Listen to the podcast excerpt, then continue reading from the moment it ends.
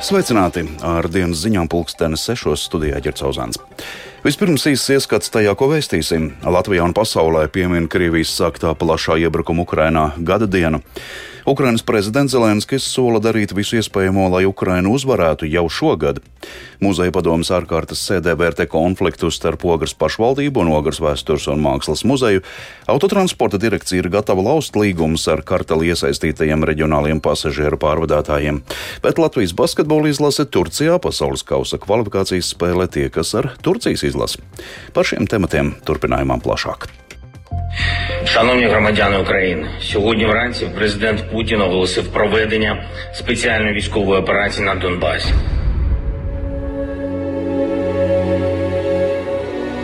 Divdesmit ceturtais februāris. Gads kopš kara Ukrainā. Šodien aprit gads kopš Krievija, turpinot jau 2014. gadā sāktu agresiju, sāka plašu, pilnu apmēru militāru iebrukumu Ukrainā. Pieminot šo traģisko gada dienu un atbalstot Ukrainu cīņā pret Krieviju, šodien Latvijā notika dažādi pasākumi. Rīgā lielākais pasākums notika pie brīvības pieminekļa, kur vairāk tūkstoši cilvēku pauda atbalstu Ukrainai un nosodīja Krievijas agresiju. Rīgas domā visas dienas garumā notika aizlūgumi par Ukrainu, un pat labam sāks arī ekumēnisks aizlūguma dievkalpojums. Latvijas radiostacijas, televīzijas kanāli un elektroniskie mēdīji vienlaicīgi atskaņoja Ukrainas himnu, notika daudz dažādu citu aktivitāšu, bet vakarā pulksten deviņos Rīgas atjaunotā Rīgas cirka arēnā notiks labdarības koncerts veltījums Ukrainai. Koncertu tiešraidē translēs arī Latvijas Radio 2 un Latvijas televīzija. Godu Ukrainai un piemiņu tās ciešanām agresoru dēļ šodien izrādīja arī saimnes ārkārtas sēdē. Tajā augstākās valsts amatpersonas apliecināja Latvijas atbalstu līdz Ukrainas uzvarai par Putina režīmas iebrukumu. Klusuma brīdī arī saimnes deputāti pieminēja Ukrainā bojā gājušos un cietušos. Ar pulksteņa tikšķiem atgādinot, ka neprovocētais Putina režīma iebrukums pārāk ilgi kaitē Ukrainai un slepkavo tās cilvēkus. Krievijas aizpagājušā gadsimta aizvien dzīvās imperiālismu izpausmes daudz vietā Eiropā palikušas otrajā plānā, ļaujoties ekonomiskam izdevīgumam. Tā savā uzrunā vērtēja valsts prezidents Egils Levits. Aizvadītajā gadā Krievijas lielvara savu īsteno seju ir parādījusi nogalinot nevainīgus civiliedzīvotājus Bučā, Bučā, Irpiņā, Mariupolē un citviet. Par šiem kara noziegumiem ir jāsoda, uzsvēra Levits. Agresīva kara uzsākšana pret citu suverēnu valsti ir lielākais iespējamais starptautiskais noziegums. Taču pat labāk trūkst jurisdikcijas kādai starptautiskai tiesai, lai varētu šo jautājumu iztiesāt. Noziegums ir, bet tiesas nav. Un šo pretrunu ir jāatrisina tādā veidā, ka šāds starptautisks tribunāls tiktu izveidots. Saimnes ārkārtas sēdē pieslēdzās arī Ukrainas parlamenta jeb augstākās radas priekšstādātājs Ruslans Stefančuks. Viņš izteica pateicību par Latvijas sniegto militāro palīdzību un rehabilitācijas iespējām Ukrainas karavīriem. Tāpat arī Latvijas iedzīvotāji, pašvaldības un citas organizācijas pelna pateicību par visa veida palīdzību un Ukrainas bēgļu pieņemšanu. Bravo Latvija! Bravo Latvija! Atceramies ļoti zīmīgu faktu, ka no Latvijas pirmās Stingera pretgaisa aizsardzības iekārtas saņēmām 23. februāra vakarā, pirms Krievijas pilna mēroga iebrukuma. Šie Stingeri mums palīdzēja apstādināt Krievu desantu Kīvā. Відповідні програми у цьому році. Par neapsīkstošu atbalstu Ukrainai un tās atjaunošanai kopīgā vēstījumā paziņojuši arī Baltijas valstu un Polijas parlamentu priekšsēdētāji. Jānis Kincis, Latvijas radio.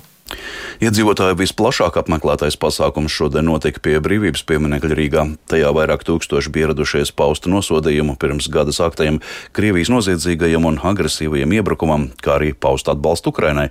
Par to, kā cilvēki gatavojās mītiņām un kā tas aizvadīts plašāk Agnijas Lasdiņas reportāžā. 24. februārā agrā rītā, 4.50. laikā, kad pirms gada Krievija sāka pilna mēroga iebrukumu Ukrainā, Vecerīgā uz plakātu darbnīcu ieradās Ukrainas atbalstītāji. Pasākuma dalībnieki gatavojās mītiņam pie brīvības pieminekļa. Lai parādītu Ukrāņiem, ka mēs esam spējīgi izdarīt kaut vai mazu lietiņu agri no rīta, atšķirībā no Ukrāņiem, kur cīnās veselu gadu. Tā izsakās viena no pasākuma organizatoriem Inese Vaivare.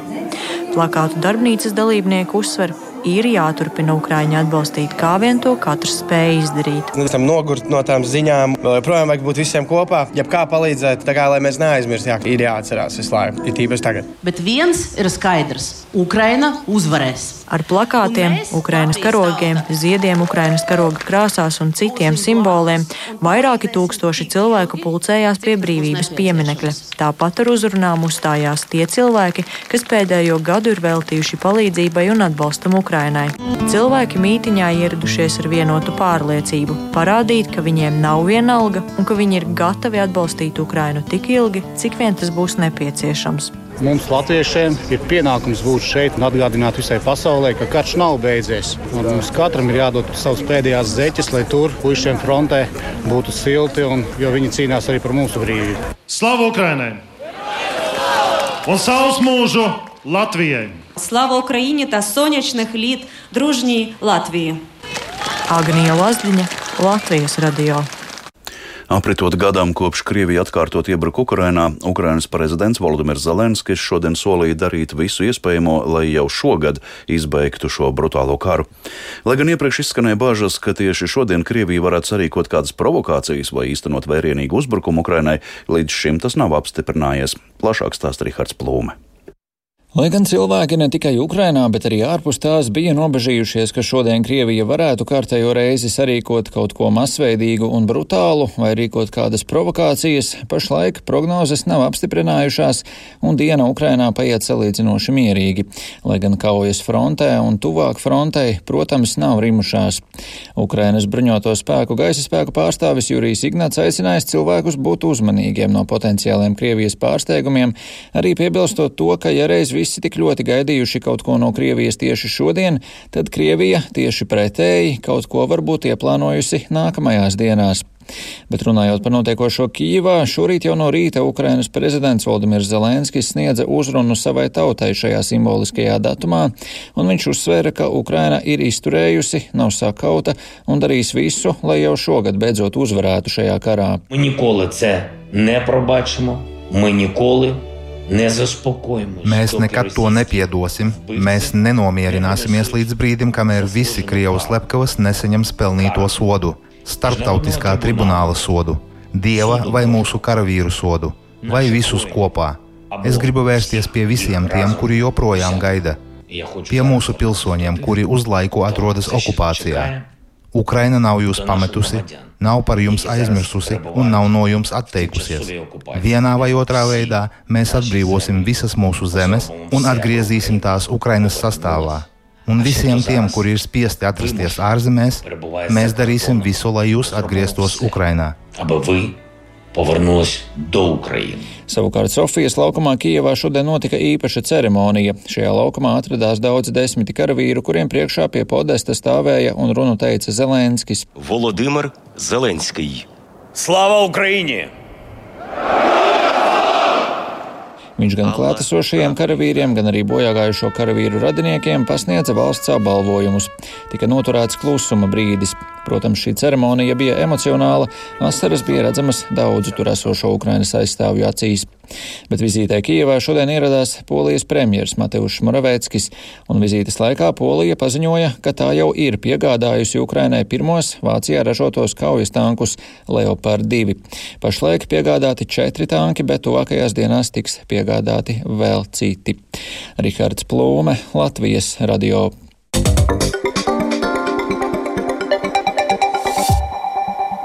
Turpinām ar citām aktualitātēm. Samilzušo konfliktu starp Ogres pašvaldību, Nogras vēstures un mākslas muzeju šodien cenšas atrisināt kultūras ministrs Nauris Pontulis no Nacionālās apvienības īpaši sasauktā muzeja padomas ārkārtas sēdē. Muzejas Ogres mēram Egilam Halmanim no Nacionālās apvienības pārmet spiedienu un izrēķināšanos ar muzeju pēc tam, kad tas atteicās izstādīt Halmaņa rosināto Eiropas Savienības sankcijām pakļautā Pjotra Ravena porcelāna kolekciju. Pat labāk esam sazvanījuši kolēģi Sintīnu Amboti. Sveiks, Sintīna! Sveicināti! Saki, vai sēde beigusies un vai rasts kāds risinājums? Sēde ir noslēgusies un plaši izskanējuši konfliktus starp Ogres pašvaldību un Ogres vēstures mākslas muzeju. Nu pat apsprieda muzeju padomē ar pašvaldību un muzeju pārstāvjiem, kā arī piedalījās vidas aizsardzības un reģionālās attīstības ministrijas pārstāvi. Pēc sēdes kultūras ministrs Nauris Puntos no Nacionālās apvienības norādīja, ka nevar novērtēt konkrētus pārvaldības pārkāpumus, jo konflikta abas puses, tātad ministra partijas biedrs Ogres mērs Egils Helmans un muzeja vadītāja Evijas Miltnieca pastāv katrs uz savu viedokli un tam izsakot, kā un kuras sarunas iepriekš notikušas muzeja padomē nav iespējams. Taču pēc šī padoma secināja, ka muzeja likumā ir jāstiprina muzeja autonomija, lai muzejam neatkarīgi no tā dibinātāja rīcības būtu nepārtraukti iespēja īstenot savas funkcijas, un tās pamata funkcijas tad, tad ir krājuma veidošana, pētniecība un arī komunikācija, un varam paklausīties ministra teikto.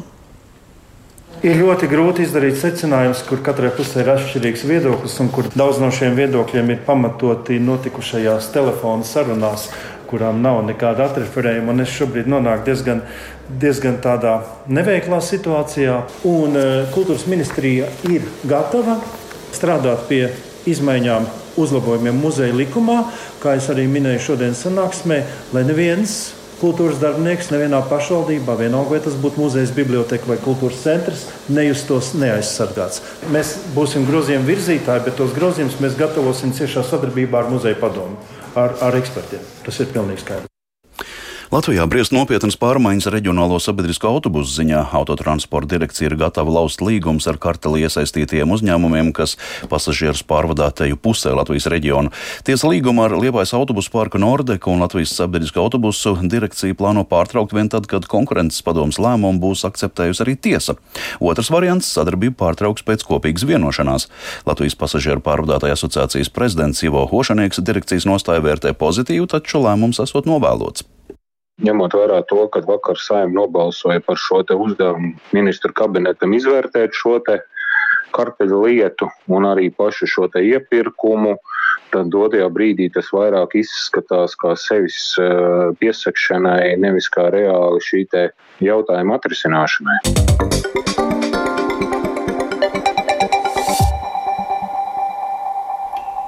Latvijas vīru basketbola izlase šovakar Bursā aizvadīs priekšpēdējo pasaules kausa kvalifikācijas spēli tiekoties ar Turciju, lai gan ceļazīme uz fināla turnīru jau nodrošināta, veiksmīgi aizvadot atlikušās divas spēles, ir iespēja iegūt potenciāli vieglākus pretiniekus pasaules kausā. Vairāk par gaidāmo spēli stāsta Rēns Grunspēņģis. Abu komandu iepriekšējā tikšanās reizē pērnā gada augustā gāja? Latvijas izlase ar Kristapu Porziņģi ierindā aizvadīja vienu no pārliecinošākajām spēlēm pēdējos gados, svinot graujošu uzvaru ar 111 pret 85. Šobrīd komandas sastāvs būs krietni citādāks, taču bez daudziem līderiem un Eirolīgā strādājošā trenera Ergina Atamana iztiks arī Turcija, kas cerības kvalificēties fināla turnīram jau zaudējusi. Latvijas basketbolisti Turcijā ieradušies ar vairākiem iztrūkumiem sastāvā, kas dos iespēju galvenajam trenerim Lukam Bankī laist laukumā spēlētājus, kuri šajā kvalifikācijas ciklā ir spēlējuši mazāk.